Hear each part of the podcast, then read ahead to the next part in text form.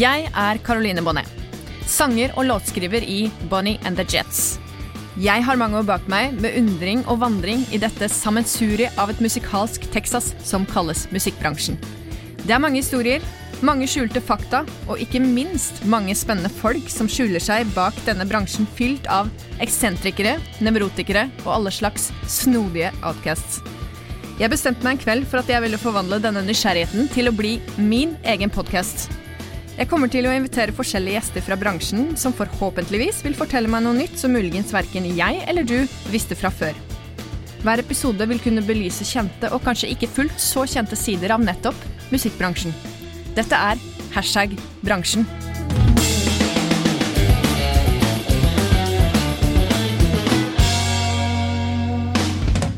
Gjesten jeg har med meg i dag, har hatt flere tusen spillejobber. Han har med bandet sitt blitt nominert til Spellemannsprisen i 2013 for albumet Tro, som for øvrig lå på VG-lista i tolv uker. I 2017 så var de med i Melodi Grand Prix med låta Run Runaway. Og han har gitt ut kjempemasse musikk, sist i år med låta Ta igjen det tapte. Han har et ansikt og ikke minst en stemme som de fleste gjenkjenner fort. Han slo nemlig gjennom med landeplaga Ut mot havet i 1988. Nå tenker jeg samtlige klarer å gjette hvem jeg har med meg da. Det er nemlig ingen andre enn the one and only Rune Rudberg. Det er en stor ære å ha deg her i studio, Rude. Velkommen. Jo, tusen, tusen takk for det. Eh, hva er det du tenker når jeg sier hashtag bransjen? Hvilke assosiasjoner får du? Ja, jeg er den gamle skolen, så jeg har egentlig ikke fått med meg hva hashtag betyr engang. Men, eh, men bransjen vet jeg hva det betyr. Ja, hva, hva tenker du når vi sier bransjen? Eh, bransjen, det er jo en berg-og-dal-bane. Det er jo i, i, eh, i opp- og nedturer og eh, gode og dårlige dager. Mm, mm. Som det vel er i livet generelt. Ja. Og du gjorde jo en enorm suksess med låta 'Ut mot havet', som også spilles hva skal jeg si, kjempemye fortsatt. Man hører jo stadig vekk den uh, på alle mulige steder. Men hva er det som var Hva skal jeg si Hva definerte din inntreden i musikkbransjen? Har du noen sånn spesiell historie som du tenker at ja, nå er jeg virkelig i musikkbransjen. Det her eh, Nå er det ingen vei tilbake. Har du noen sånne tanker om det? Eh, ja, det, og det har jo mye med Ut mot havet å gjøre. Det, Ja. Fordi jeg holdt jo på i, en, i ganske mange år før det. Jeg begynte jo i 77 med i første bandet. Ok. Og eh, det var et sånt eh, et coverband fra Kløfta. Vi spilte En slant til trikken hjem og greier. Husker vi hadde spillejobb, så var det Stein Ove Berg som kom og hjalp oss med lyden. Ok. Og, eh, og så holdt jeg jo på, da, og syntes jo dette var gøy. Eh, eh, og skjønt, fant jo fort ut at jeg hadde en ok sangstemme, og kunne, kunne bruke den. Mm. Så da fortsatte jeg jo, det ble jo en del andre band framover, og så kom jo da Ut mot havet i, i 87, ti år etterpå, Ja. eh, på en singel. Og da eh, prøvde jo, Den solgte jo veldig bra med singler. Den ble spilt i hjel på nærradioer og alt som var. Vi prøvde å få den inn på Norsktoppen, og der gikk den ikke gjennom, fagjuryen. Fagjuryen var jo Christian Lindvann. Okay. Og eh, vi holdt på. Til slutt så var det jo spilt inn et helt album, som da skulle bli Ut mot havet-albumet. Og da kom den gjennom på Norsktoppen, og da gikk den rett på førsteplass. Mm. Da var det juni 88, så det gikk nesten et år Ja, før den kom inn på Norsktoppen. Mm. Og da gikk den rett på topp, så der lå den jo på førsteplass i 16 uker. Det var det som var lov. Mm. For Return hadde jo ligget der med Sing Me a Song i 64 uker eller noe sånt nå før det, så da ble reglene gjort om. Ja. og, så, eh, og da var jeg jo, ble jeg jo da selvskreven in, in, invitert til Momarken. Ja. Momarken var jo da den gangen det største liveshowet du kunne være med på, utenom Grand Prix. Ja, det har jeg hørt om. Hva, hva var greia med det? Eller hvordan type ja, konsept var det? Momarkedet var jo et stort tivoli nede i Mysen, som Mm. eh, var eh, i august hvert år. Og fikk da store artister, de største fra hele verden, var der og spilte Jeg husker jeg var jeg er jo oppvokst ikke langt derifra, på i det som heter Trøgstad. Ja. Og var jo der nede som guttunge på tivoli fra jeg var ganske liten. Og, og helt til jeg ble litt større og ble interessert meg for artistene som var på scenen, og sto der og så på dem. Og, Mm. hørte dem, da. Jeg så ikke over scenekanten de første åra jeg var der. Nei. Etter hvert så ble jeg så stor nok så at jeg så dem òg, og da var jo drømmen om en dag å stå på den scenen sjøl. Og da jeg plutselig ble invitert dit og sto der, jeg husker det var eh, det var jo 17 000 mennesker, husker jeg, på Momarkedet da, foran scenen. Wow. Og eh, det var min TV-debut. Og, og da ble jeg da kasta opp etter, etter TV-showet på veikroa der oppe, så var det pressekonferanse. Okay. Og jeg trodde jeg skulle dit opp med masse artister, men det var jo bare meg. Og så var det vel en 40-50 journalister. Og et bo, kjempelangt bord. Jeg husker jeg var livredd. Jeg ble satt bak det bordet der. Og så kom alle spørsmålene. Og dagen, etter, så, dagen etterpå så var jeg jo da på førstesida i samtlige aviser og blader og hmm. det som var. Og det var før og etter i livet mitt. Det kan jeg virkelig se for meg. Så da skjønte jeg jo at eh, ja da, det er sånn det er. Også, men, så, men jeg, skjønte jo egentlig ikke at jeg var var blitt kjendis. Det skjønte jeg jo ikke før det var gått en to-tre år. Nei. For jeg, jeg fortsatte jo å være den anonyme Ja. halvgærningen som jeg alltid hadde vært. Og, og, Så det tok to-tre år før jeg skjønte at eh, nei, det skal jeg ikke si. Nei, sånn skal jeg ikke gjøre. For nå er jeg kjendis. okay. Så, Ja. så jeg fikk jo litt sånn brutal start. Det gjorde du virkelig da. Ja. Men uh, hvor lang tid Altså, du har vel kanskje spilt den låta siden på dine liveopptredener? Vil jeg kanskje tro at det er en låt mange spør etter? Ja, det er faktisk først nå i år, på de få jobbene vi har gjort med, med Rune Rudberg Band, Mm. som ikke har, har spilt den. Ja. Men vi spiller den selvfølgelig på oppfordring, hvis vi, -hmm. men han står ikke på settlista. Eh, det Det er ikke fordi jeg ikke har lyst til å spille den lenger, men det er liksom, Mm. jeg har mye annen musikk etter hvert. Det er jo liksom blitt 30 CD-plater til, og 350-60 låter. Ja. Som eh, Og jeg har jo levd i Hva er det nå? Eh, 87 kom låta, nå er vi Det blir 36 år. Mm. Som den låta har eh, Eller 34 år blir det. Som, Mm. Siden den låta kom ut. Og fortsatt så er det jo sånn at eh, folk sier 'Å, den fineste låta du har, det er 'Ut mot havet'. Og da må jeg Ja. liksom spørre Ja, men har du hørt noen av de andre Mm. 300-300-låtene? Å, er det så mange? Ja. Så, men det er jo alt Man kan jo ikke ønske seg noe annet enn å få en så stor hit. Men eh, det er jo en bakside med det, og det er jo det at du klarer jo aldri å toppe den. Mm. ja, det er klart at Det er liksom, det eh, er vel en utfordring, ja. Ja. Mm.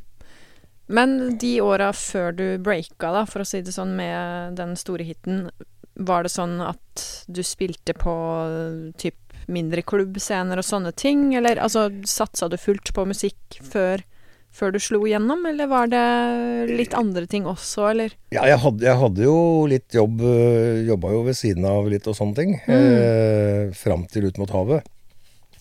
Men, Mm. øh, men nei, jeg spilte jo med noe Jeg begynte, husker jeg begynte, var vel i Hva kunne det være, midt på 80-tallet. Så begynte jeg med noe som het øh, eller, Først i 1980 så starta jeg jo et band som het 2 pluss 2 pluss 2. Ok. Eh, som eh, jeg da også fikk kontakt med manageren min, som er, er med meg den dag i dag. Han tror jeg har vært her før hos deg. Bjørn Terje Bråten. Ja, Bjørn Terje, han er en fin fyr. Han er en veldig fin fyr. Så Ja. han er liksom eh, kanskje hovedgrunnen til at, eh, Mm. at jeg fortsatt er der jeg er i dag. Tenk på det. Ja. Viktig det er å ha med seg er, noen solide mennesker som har troa, og som støtter og backer og ja. ja, han burde vært med egentlig helt fra starten, for at, ja. da hadde det kanskje styrt unna en del blemmer. men eh, men eh, han kom jo inn eh, som, som ordentlig manager for meg liksom noen år etter at Ut mot havet var kommet, da. Men eh, Ja. vi hadde jo kjent hverandre i mange år. Mm. Og, og eh, da spilte jeg med dette 2 pluss 2 pluss 2-bandet, og da fikk vi platekontrakt med Arve Sigvaldsen. Mm. Eh, hvorav det gikk en par-tre år, et par år vel, tre år. Og så hadde han lyst til å lage et konsept med meg, det var tre jenter og tre gutter av oss i det bandet der. Mm. Med to av de jentene, Heidi og Laila Holm. eh, og det ble Da kom Nick Borgen inn i bildet. Ja. Som produsent på dette her, for det skulle da være Vi kalte det Run with the Girls. Det var liksom Benny Borg som kom opp med det navnet. Rune Ja. med jentene. Det var liksom Run with the Girls. Mm. Og så eh, gjorde vi en par-tre singler som solgte ganske bra i utlandet, Tyskland og en del land nedover. Okay. Men i Norge slo det ikke i hele tatt. Nei. Men da hadde jeg allerede begynt å jobbe med Nick Borgen. Og så, så ringte jo da Arve Sigvaldsen meg og, og lurte på om jeg om jeg ville kunne jeg tenke meg å gjøre en låt som man hadde hørt på tysk, eller på engelsk, da, med et band som het Mixed Emotion. Mm. Og en låt som het You Want Love. Og den hadde ikke jeg hørt, eh, trodde jeg, men så hadde jeg hørt den på svensk. For det var masse svenske danseband som hadde spilt den og Da het den Ned mot havet. Ja. Det var vel Torleifs, og det var Striplers Det var mange som hadde spilt i den Mm, låta der sånn. Og så skrev jo da Arve en norsk tekst på den, og vi heiv oss i bilen og kjørte ned til Gøteborg, til Nick. Han har drevet studio der nede. Ja. Og resten er jo historie. Det får man virkelig si. Ja. Så du var da med å lage den norske versjonen av en låt som allerede ikke hadde gjort det noe stort, på en måte? Ja, den, den var jo for så vidt stor, eh, den originalversjonen, You Want Ja, Love. Den var okay. jo stor i Tyskland. Ja, ja. Og, og, og den var jo tålelig stor i Sverige òg, men er ikke Mm. i nærheten av det den ble i Norge. Sånn, eh, i, det er klart, vi er jo mindre folketall i Norge, Jo da, så, jo da. men her ble den jo liksom en, allema, en sånn allemannseie. Det blei han jo virkelig. Og, eh, så det, det var jo litt morsomt, for i 89 så skulle vi jo gjøre oppfølgerplate til Ut mot havet-plata. Det, Det var vel litt sånn vanskelig, ja, kanskje? Ja, plate nummer to er jo aldri, Ja. aldri lett, så da, da, var det, da var det liksom eh, Hva gjør vi nå? Og Mm. eh, det, vi hadde jo solgt 190 000 av den første. Så det var jo liksom Ja, helt tullete tall. Mm. Men da skrev vi en låt, da. En Nick. Og vi skrev en låt som het eh, Som vi kalte for 'Vinger over Europa'. Ja. Og du, den var vi jo med i Grand Prix med i 1989. Ok. Og vi vant ikke, men det ble jo en stor hit, det òg. Og det Mm. som er morsomt med den, er jo at hvis du Du kan nesten synge Ut mot havet til Vinger over Europa, og omvendt. Så Ja. vi skulle lage en oppfølger til Ut mot havet, så de er, de er veldig like. Det er morsomt. Samtidig, skal Samtidig, som at de eh, Hvis du ikke tenker over det, så er de helt ulike. Men Ja. Ja. Og den var vi jo da noen år etterpå i eh, Vi dro til Tyskland og skulle lage en engelsk versjon av Vinger av Europa. mm. Med produsentene som hadde gjort You Want Love. Originalen på Ut. Det er veldig morsomt at man da Ja, går liksom da motsatt. Ja, og Ja. de skrev da en, eh, en svensk eh, sven, Nei, en, en engelsk tekst på den mens vi var i studio der nede. Ok. Og lagde en helt ny sånn tysk, tysk eh, orkestrastring-poplåt. Mm, Og da ble den hete 'Make Love Be Stronger'. Så Ja. vi hadde jo med begge de to, både norsk og engelske versjon på Vinger og Europa-plata. Yes. Det er fun fact, da. ja da, Ja. det var gøy. Men så breaka du jo, som vi har snakka en del om nå, med den her store Ut mot havet-låta, og da tok det jo helt av, ikke sant. Du Mm. innså etter hvert at oi, jeg har faktisk blitt et veldig kjent fjes, og mange Mm. Ser hvem jeg er, og ser at jeg står på scenen mye, og det har du jo virkelig gjort, for du har jo turnert og turnert og turnert kjempemye. Jeg har hatt én pause, og det er nå koronaen som sørga for. Ja. Ellers har jeg ikke hatt noen pause fra spilling Nei. på 40 år. Wow.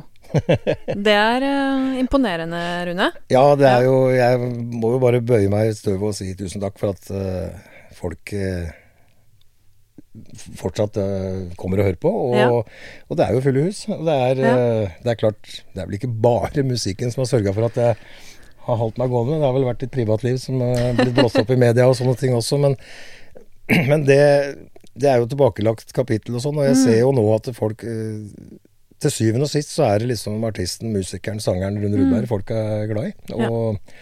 Og, personen også, for den saks skyld. Mm, mm. Selv om eh, kanskje livsstilen min ikke alltid har vært så populær i alle, alles øyne.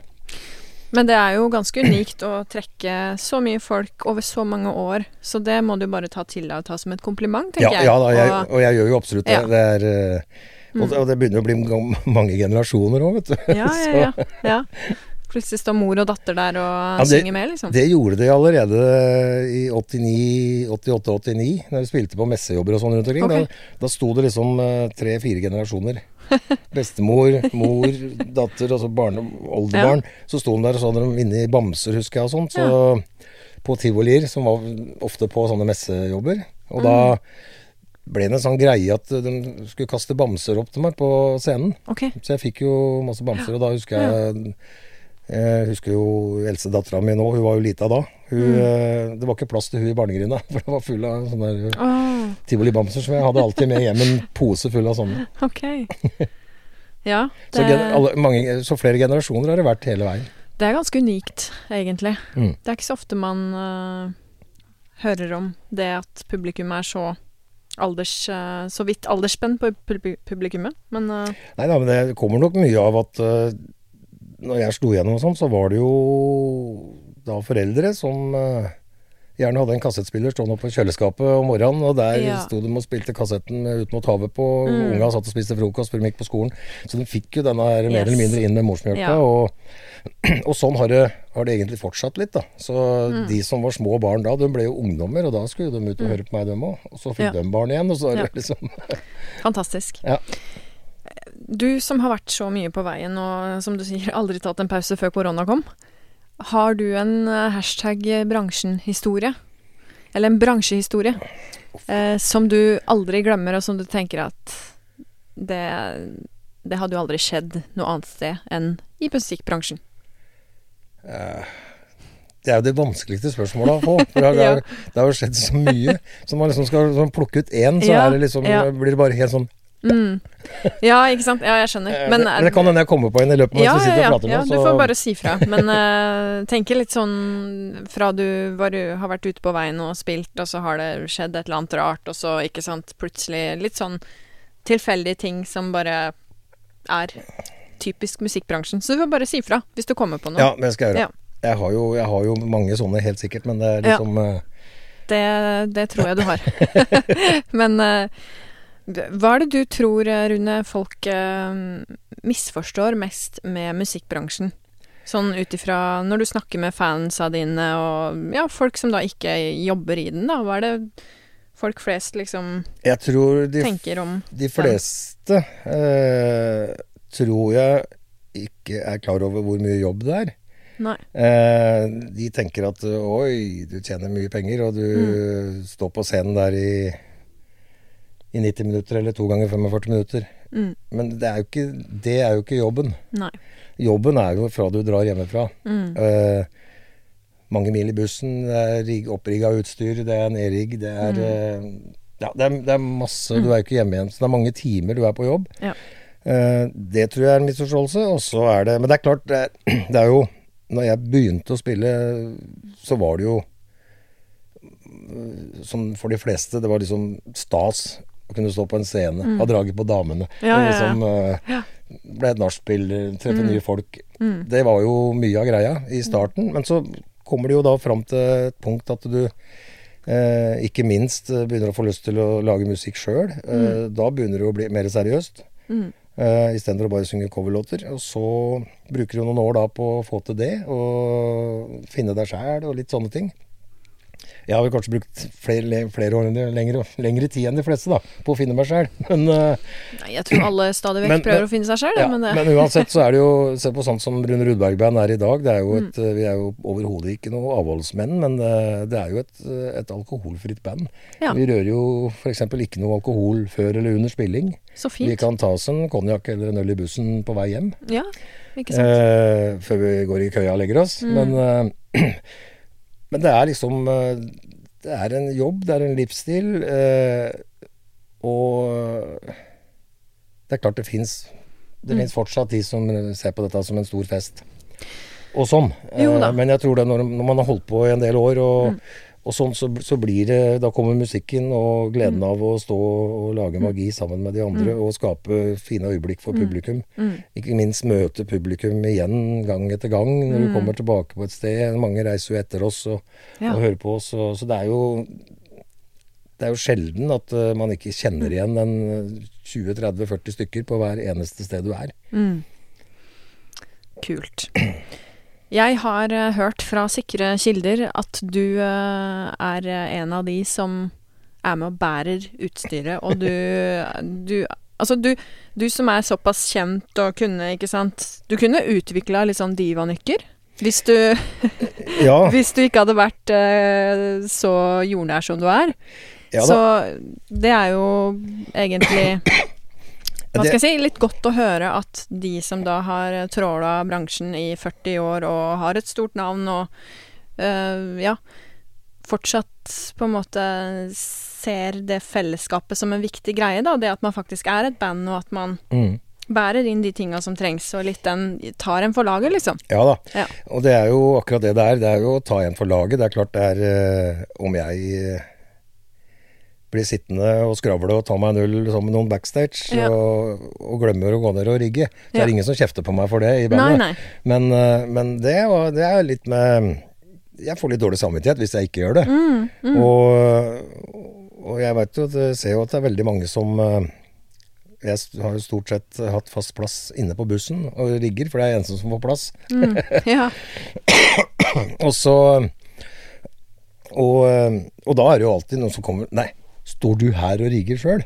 Ja. Folk eh, liksom blir sånn Og, og for meg så er, har det vært helt naturlig. Mm. Eh, Merka jo nå, eh, når vi har vært ute med Landeveiens helter, da fikk jeg jo liksom en litt sånn aha-opplevelse. Og jeg kom med gitaren og øreplugga, det er det jeg har med meg. Mm. og setter fra meg den og går opp backstage og blir bare ropt på når det er lydsjekk, og da er gitaren ferdig stemt og beltbacken ligger klar foran mikrofonen. Mm. og, og vi gjør ikke noe annet enn det, og da lager vi, gjør vi showet. Og det må jo si at det er deilig. Det er, Ja.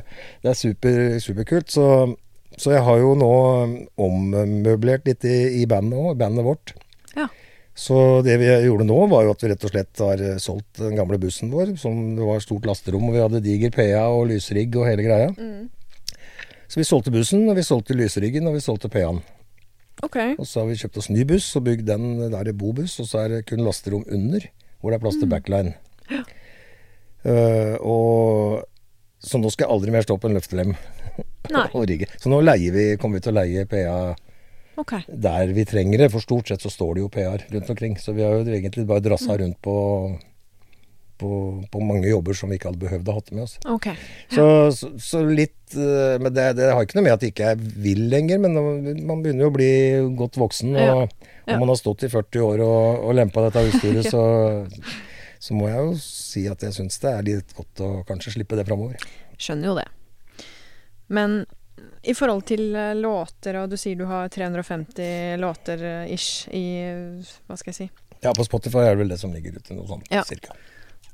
Men eh, skriver du mye låter for tida, eller? Er det Altså, Ja, men- forhold har du til låtskriving? Er det sånn periodevis du har liksom intensivt gjort det, eller er det litt sånn Ja, jeg hadde var veldig produktiv på, på 90-tallet. Ja. Og eh, for så vidt litt begynnelsen av 2000, men så har jeg nesten siden da hatt eh, mer eller mindre litt skrivesperre. Eh, I ganske mange år nå. Eh, Det er kjipt. Men så plutselig så dukker det opp noe, og Bjørn Terje skriver jo en del ting. Så sender han meg noen forslag på et eller annet, og da Mm. ah, hm. Og så skriver jeg litt om på det, og så lager jeg noe Så jeg har de siste Siste åra så har jeg det siste året spesielt, er åra faktisk, Mm. så har jeg lagd mer melo, skriver mer musikk til Ja. tekster. Jeg har flikka litt på tekstene, men før så var det mest tekster ja, jeg skrev. Og så begynte jeg å skrive både tekster og melodier. Og så, Mm. Men jeg har alltid bare lagd musikk med sitter med kassegitar. Jeg Ja. har aldri lært meg noe sånn studioting. Nei, nei. Eh, Jeg er altfor tålmodig og for liten sjøltillit til å begynne å prøve å lære det òg. Ja. Så, så da eh, møter du deg litt sjøl i døra da, når Mm. du setter deg ned og skal begynne å skrive. Du har kulepenn og arket, og så har du kassegitaren. Og så Mm. begynner du, og så Nei, det der har jeg vel lagd før. Nei, den linja har jeg vel skrevet før. Alt Ja. låter egentlig likt. Ja. Eh, Så jeg har mista litt av den der eh, greia jeg hadde med at eh, låter det fint med kassegitar, så er det ei bra låt. Det er Men, ja. men det er jo fortsatt det. ja. Ja. Så, så Også det der med at å være redd for at du skal gjenta deg sjøl, det tror jeg heller man e- egentlig er bare tullete å være redd for. For du, Mm. hvis du hører en Bruce Springsteen-låt, så hører du at det er han. Det er nettopp Sånn. det. Og eh, Man Så- kjenner igjen låtskriverne. ja. Mm. Så det er eh, noe jeg har jobba litt med med meg sjøl. Og så har det blitt noen låter nå i, i koronaperioden. Jeg har vel gitt ut fire låter. Og Mm. Ja. nå kommer det to til i løpet av oktober og november. Ja, spennende.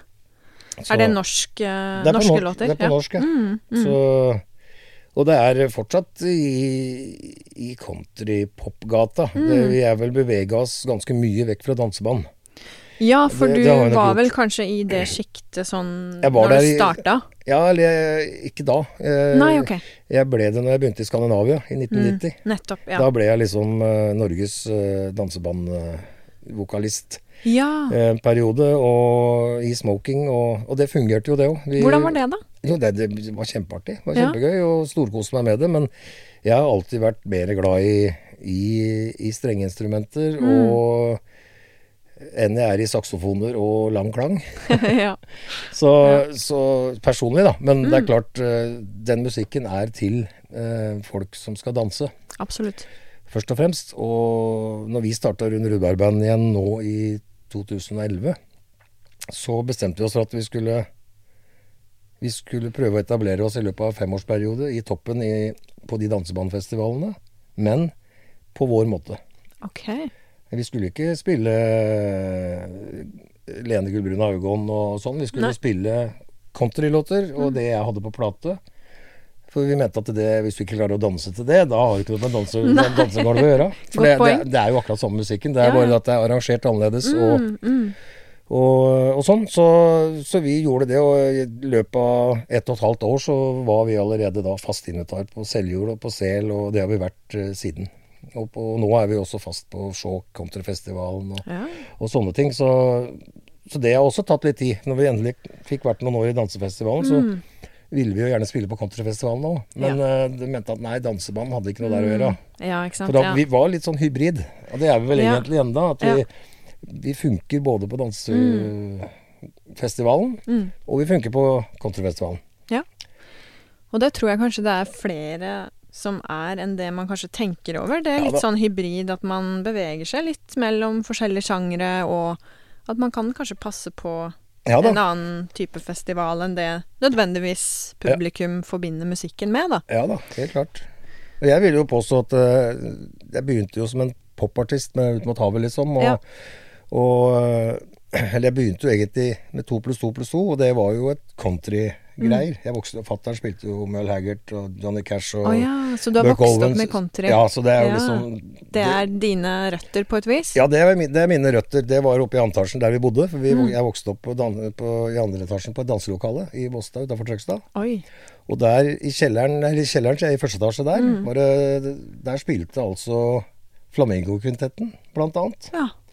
Når jeg var en seks-sju år gammel, og jeg var nede om morgenen etter før de hadde kommet igjen fra nachspiel, så var jeg nede og prøvde instrumentene. sånn. Så jeg hadde svensktoppar, Ok. i kjelleren, og så, og så country på radio, eller på kassettspilleren Ja. til fatter'n oppe. Så jeg vokste jo opp med det der, der sånn. Men det jeg alltid jeg skal, Det jeg virkelig liker godt sjøl, det, er- det er Jeg kaller, pleier å si jeg er en Eagles-fyr. Du er en Eagles-fyr, Ja. og jeg også elsker Ja, jeg synes syns eh, det er country, det er pop, det er eh, Ja. Du kan danse til det. Du kan, det, Det er litt hybrid, det. ja, Eagles. Det, det, er, ja. det er hybrid. Og de har de der deilige harmoniene, ikke sant. som ikke er, minst. Ja. Det er så mye fint uh, Eagles-ting, Ja, ja, altså. Ja. Men eh, hva skal jeg si, har du gjort noe den type Føler du at du har tilnærma deg litt den, det uttrykket, Ja, ja, det føler jeg uten sammenligning, sammenligning for øvrig. Ja, ja. Så føler jeg jo at jeg har uh, brukt det mye som mal. Jeg er jo. Når det gjelder koringer på alle låter jeg gjør og sånn, så er det veldig sjelden jeg bruker blokkor. Ja. Jeg bruker treklangkor Mm. som følger lyden hele veien, okay. og, og syns, syns det er eh, Jeg liker det veldig godt Mm. Sjøl, og, og sånn er det med banda jeg spiller med òg. Så, Mm. hvis du ikke går bort til mikrofonen når du har en Mm. korstemme, da får du kjeft. Ja.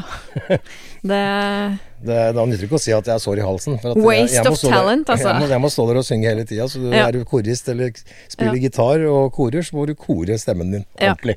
Det, det er viktig, altså. Og det er så undervurdert, Ja, jeg- koringselementet. Hvor viktig det er for helheten Ja, ja. i eh, låta, da.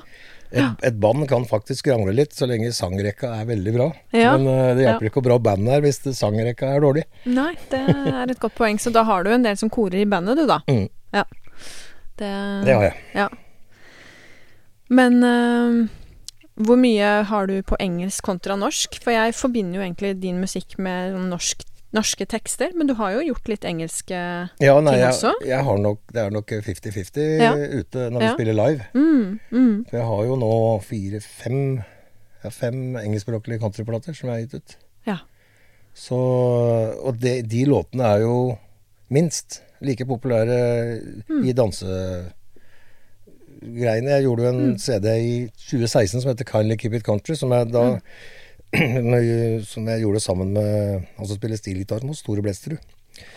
Og Han da- er fantastisk dyktig. ja, ja. Ja. Og han har jo vært med oss i åtte år, og, og jeg var, har liksom alltid drømt om å ha med stilgitarist i bandet. Jeg husker første Mm. jobbene, så sto jeg med ryggen til publikum og bare Og så på han. Ja. Men, eh, men i hvert fall, altså Og han er jo den gamle old school country-greie, så vi, han hadde lyst til å produsere ei plate med meg sånn på sin måte. Ja. Og Så, vi, så vi begynte i kjelleren hos han, hos han og, og da skulle jeg bare plukke låter som jeg hadde vokst opp med, som jeg alltid har likt. Så vi gjorde rett og slett en cover. Jeg skrev én låt sjøl som het uh, 'If I Could Live My Life All Over Again'. Eh, ellers så var det coverlåter. Den Og- skal jeg sjekke ut. Har Ja. jeg lyst til. Og, og den ble jo Og da tenkte vi liksom Nå skal jeg ikke tenke på dansepublikum i. Nå skal vi gjøre denne plata sånn som en sånn plate skal gjøres. Mm. Så etter hvert så tok vi kontakt med Marius Stegegjerde på Sofienmyr. Ja. Så vi dro opp dit og gjorde plata ferdig. Og, og når vi kom ut på veien igjen, og vi har en sånn shop hvor vi selger masse merchandise Mm. og CD-er og sånt, så hadde vi jo med den CD-en der. Og det, er jo, det har jo vært bestselgeren ja. hos dansebandpublikum etterpå. Det er morsomt, da. ja. Når man egentlig gjør noe som man kanskje tenker at oi, det her er ikke helt midt i blinken for Nei, nei. de som er vant til å høre et visst type sound. Mm, Men mm. ja, publikum kan jo overraske òg. Ja da. Ja. Så derfor så har vi gjort Den ga jeg ut som bare Rune Rudberg, da. Altså okay. ikke Rune Rudberg Band. For å, Ja. Men i 2019 så ga vi ut en ny CD på engelsk Ja. eh, som heter Old Country, og den valgte vi å gi ut som Rune Rudberg Band. Ja. For vi er jo Rune Rudberg Band når vi er ute med Ja. dette her. Og det er også Rune Rudberg-band som gir ut ikke sant, de låtene som kommer nå. Mm. Ja. Mm. Hvilket uh, selskap er det dere gir det ut Jeg har, jo, med? jeg har jo vært uh, Jeg var jo i dette selskapet her for noen år siden. I 2004 så Mm. fikk jeg kontakt med Henning Eriksen. okay. i Piraya Music. Mm. Og han uh, Fordi at han hadde produsert en plate med noe som heter Boots Band fra Notodden. Og det syns jeg låt så tøft country. Mhm. Og han var også den gangen Jeg vet ikke om de var gift, men var i hvert fall sammen med Ann Taylor. Ja. Og øh, hadde produsert en par plater med hun, så da tenkte jeg, fikk jeg kontakt med han og sa sånn vil jeg låte. Mm. Og så gjorde vi da eh, Gone Country i 2004 og en CD som het Runway der òg, faktisk. Ja. I 2006. Og, og da fikk jeg første gang terningkast fem og seks i VG og Dagbladet. Mm. Og syntes jo det var stas. Men jeg solgte jo ikke så mye plater som jeg gjorde på norsk allikevel, selv om jeg fikk gode så, Men jeg har jo kombinert dette her sånn. Mm. Eh, jeg syns eh, en bra låt eh, er en bra låt, og hvis jeg kan tolke den og synge den bra på engelsk, så, så gjør jeg det. Ja. Hvis jeg kan få til å gjøre, tolke, gjøre en bra norsk tolkning av den, bra tekst, så gjør jeg det. Ja. Når er det du trives best, da? Sånn, når er du i ditt ess? Er det når du står på scenen, eller når du skriver låter, eller er det litt begge deler? Ja, det Har er sånn definitivt på scenen. Ja. Ja. ja. Det er, Det er eh, der du det er live-biten som er eh, det som holder det gående. Ja. Skrive låter, jobbe i studio. Jobbe i studio syns jeg kan være gøy. Det, det har blitt gøy, men før så var Mm. det egentlig en transportetappe.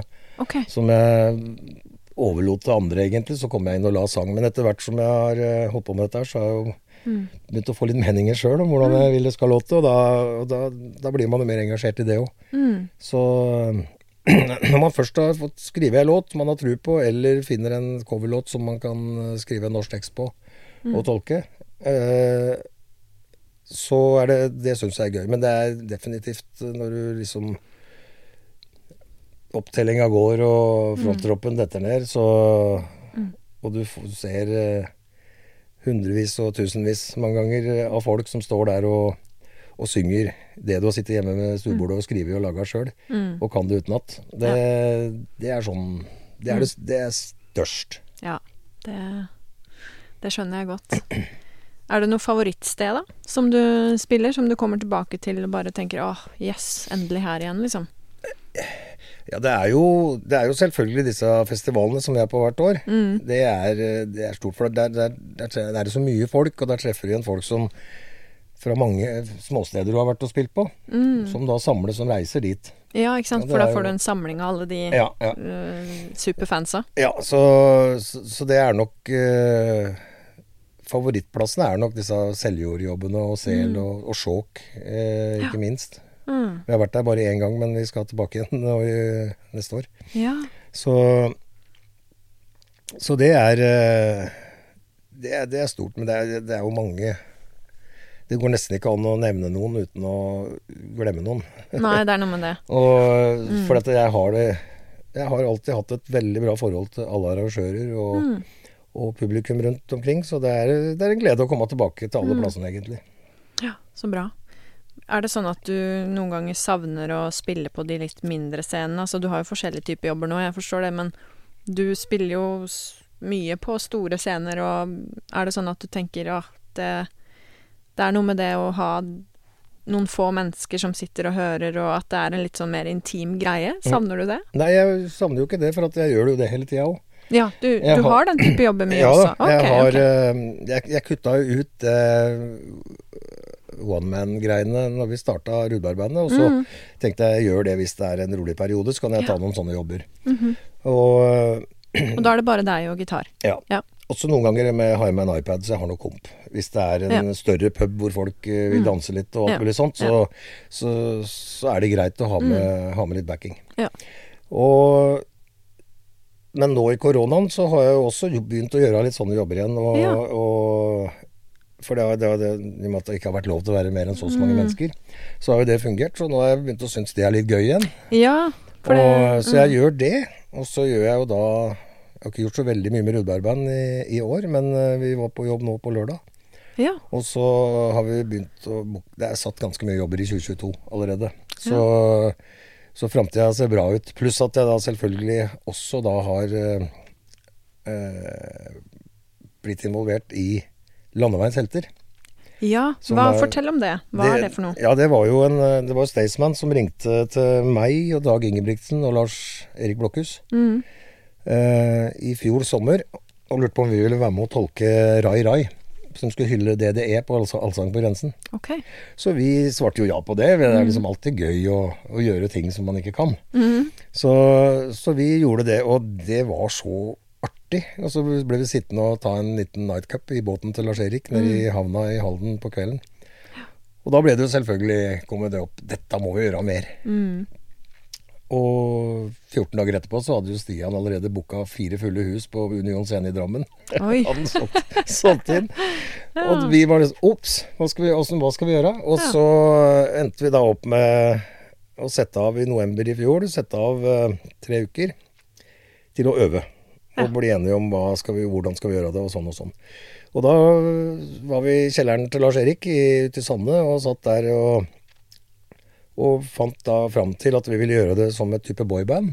Eh, eh, ikke det at vi ikke gå fram på scenen og synge hver vår låt, men vi skulle være der alle fire hele Ja, tida. ja. Synge et vers på hverandres låter, og, og ikke minst kore hverandre.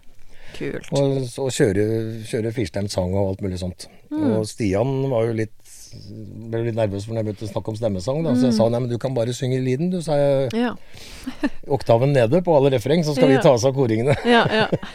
Og da var det greit. Nei, så, så har vi fått med et helt fantastisk band. Og så var vi plukka ut da de, de tre-fire største låtene vi har, alle fire. Pluss at vi gjør en hyllest til Jahn Teigen og, og Marius Müllers så vi kjører 'Den du veit' og 'Min første kjærlighet' og sånn. Vi har en sånn derre klinehjørne hvor vi sitter i Eagles-stil på fire barkrakker.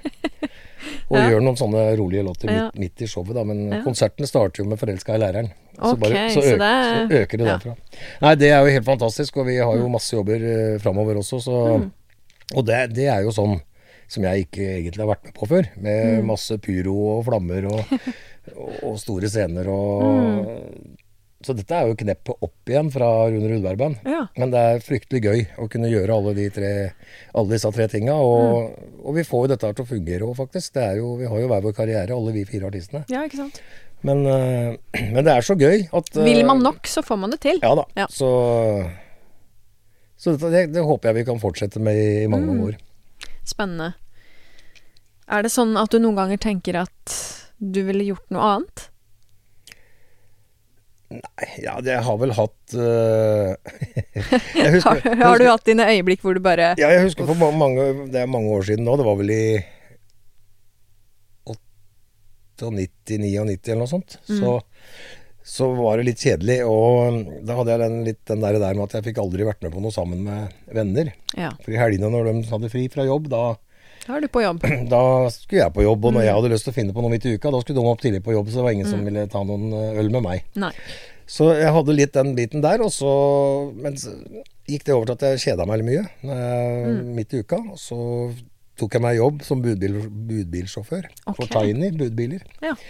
Og begynte å jobbe med det i Oslo. Kjørte rundt og etter hvert så Jeg ble jo aldri tatt alvorlig. Jeg kom inn og skulle levere pakker hos folk. okay. Sto Tiny på ryggen og så det var meg, så begynte de å si «Eh, 'Hvor er Leif Erik Forberg?' Hun trodde det var skjult kamera på TV3. Så det, det, var det ene. Og det andre var jeg går det så dårlig med?' Altså han må begynne å kjøre budbil. så, så, det var egentlig håpløst. Ja. Så, men hovedsakelig så er jeg jo, er jo lykkelig over at jeg, jeg kan ha arbeidsdagen, arbeidsuka mi fra fredag til søndag. Mm. Mm. Og så kan jeg ha helga fra søndag til fredag igjen. Ja. så jeg, jeg, jeg, lever godt med det, for ja. å si det sånn. Og, ja. Men jeg må jo også si det at når koronaen kom, mm. eh, som eh, ikke misforstå, som har vært eh, tervel, ordentlig tervelig greie. Ja. Og for mange som har slitt mm. og gått både dukken og nedenom, så mm. For min del, uh, nå har jeg først og fremst Bjørn Terje som manager, mm. som er en rev på å skrive søknader og styre mm. og ordne, så jeg har jo fått Han har jo sørga for at uh, økonomisk så har jeg ja. Har alt vært helt, uh, helt ja. plettfritt og gått ja. veldig fint. Så bra. når det gjelder det å ikke dra på jobb i helgene, ikke ha noen spillejobber, mm. så har det faktisk vært litt deilig. Ja. Så jeg har jo fått tilbake den der eh, På slutten, før koronaen kom, så var jeg nok litt der at eh, det var mer jobb enn ja. at det var pleasure å dra på spillejobb. Mm.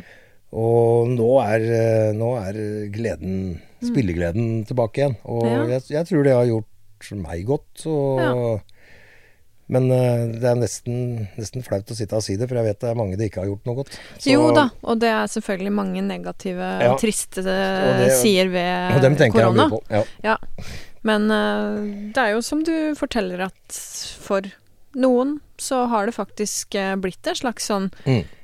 Pause hvor man har kunnet kanskje reflektere litt mer over ja, hva man driver med, og at man tar et skritt tilbake og faktisk lærer seg å mm. ja, sette pris på det man kanskje tar litt for gitt sånn ja, vanligvis, ja, helt, da, før det kom. Helt klart. Og jeg, mm. jeg har prata med ganske mange andre, både artister, lydfolk ikke minst, uh, som reiser rundt og, mm.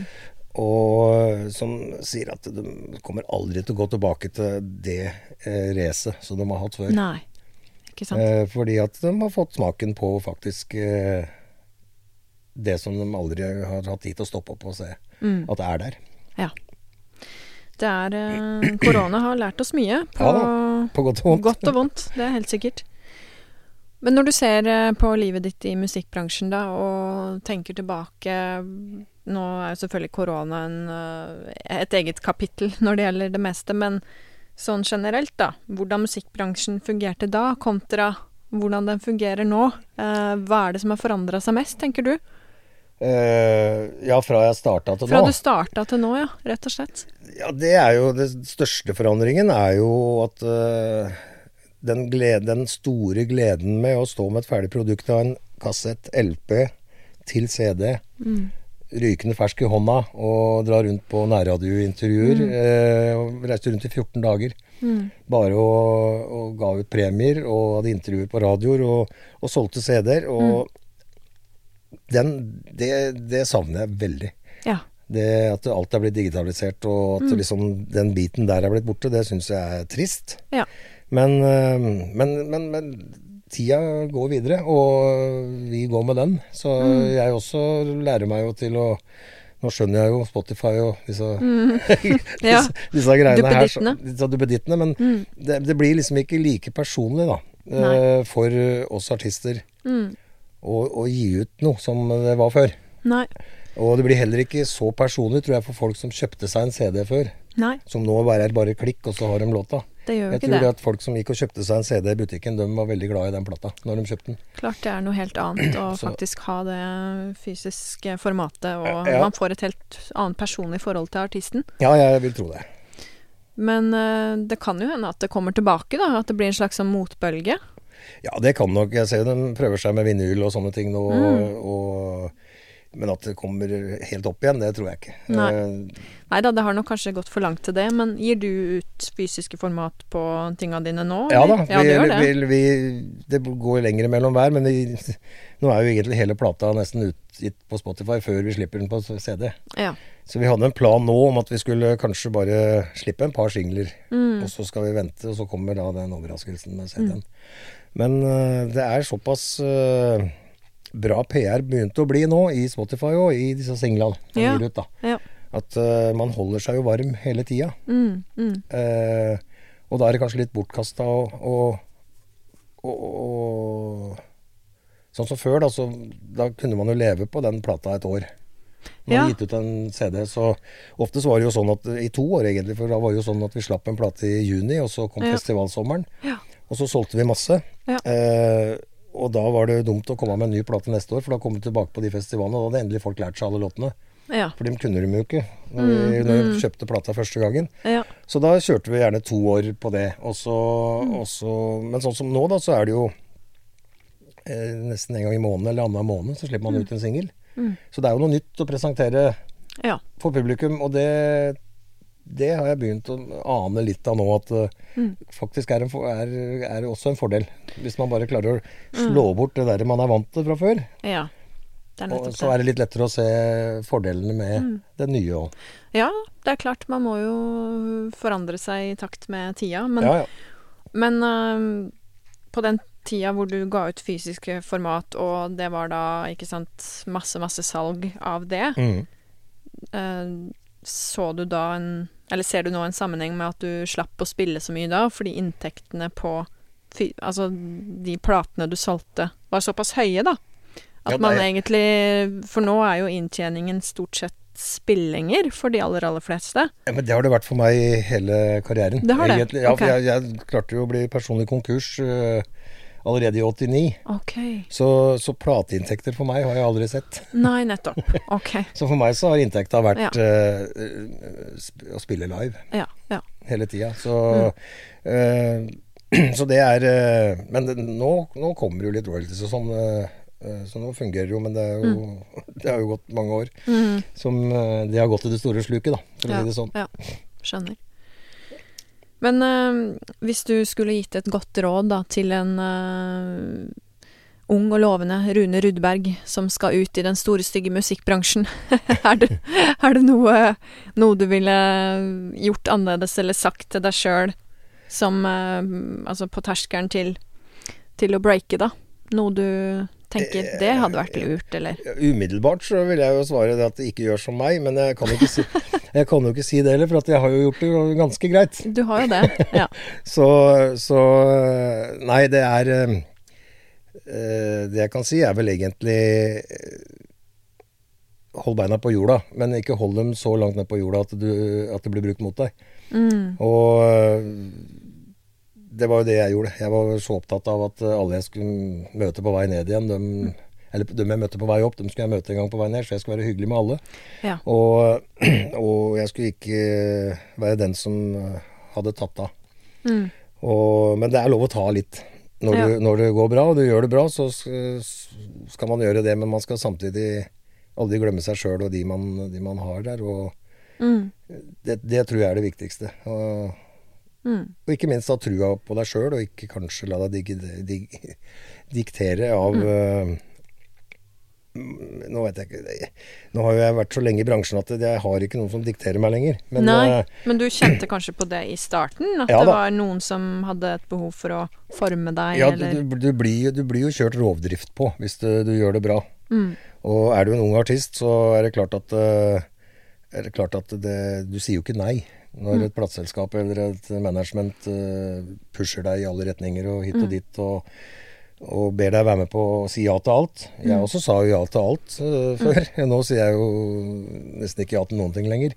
Nei. Men det er jo av erfaring. At jeg Mm. har, og så har jeg ikke lyst lenger, og så er jeg kjent nok. Så jeg trenger ikke å, bli, trenger ikke å være med på Skal vi danse og Farmen kjendis og alt dette her. Men, eh, du kom hit, og det er jeg så utrolig takknemlig for. ja, ja, At du er... tok deg tid til å sitte og skravle med meg i uh, podkasten her, det var sykt hyggelig. ja, Ja. ja, det var veldig lett å si ja til. For jeg kjenner jo Dagfinn, og Mm. når det er noen jeg kjenner litt, så, så syns jeg det er hyggelig å, å, å bidra. Og det hørtes hyggelig ut. Og det har det vært også. Absolutt. Så tusen takk igjen for at du eh, kom hit i dag, eh, Rune. Og ønsker deg masse lykke til med utgivelser og videre spillinger og kjør på. Tusen, tusen takk for det. Ok. Takk for at du hører på Hashtag bransjen.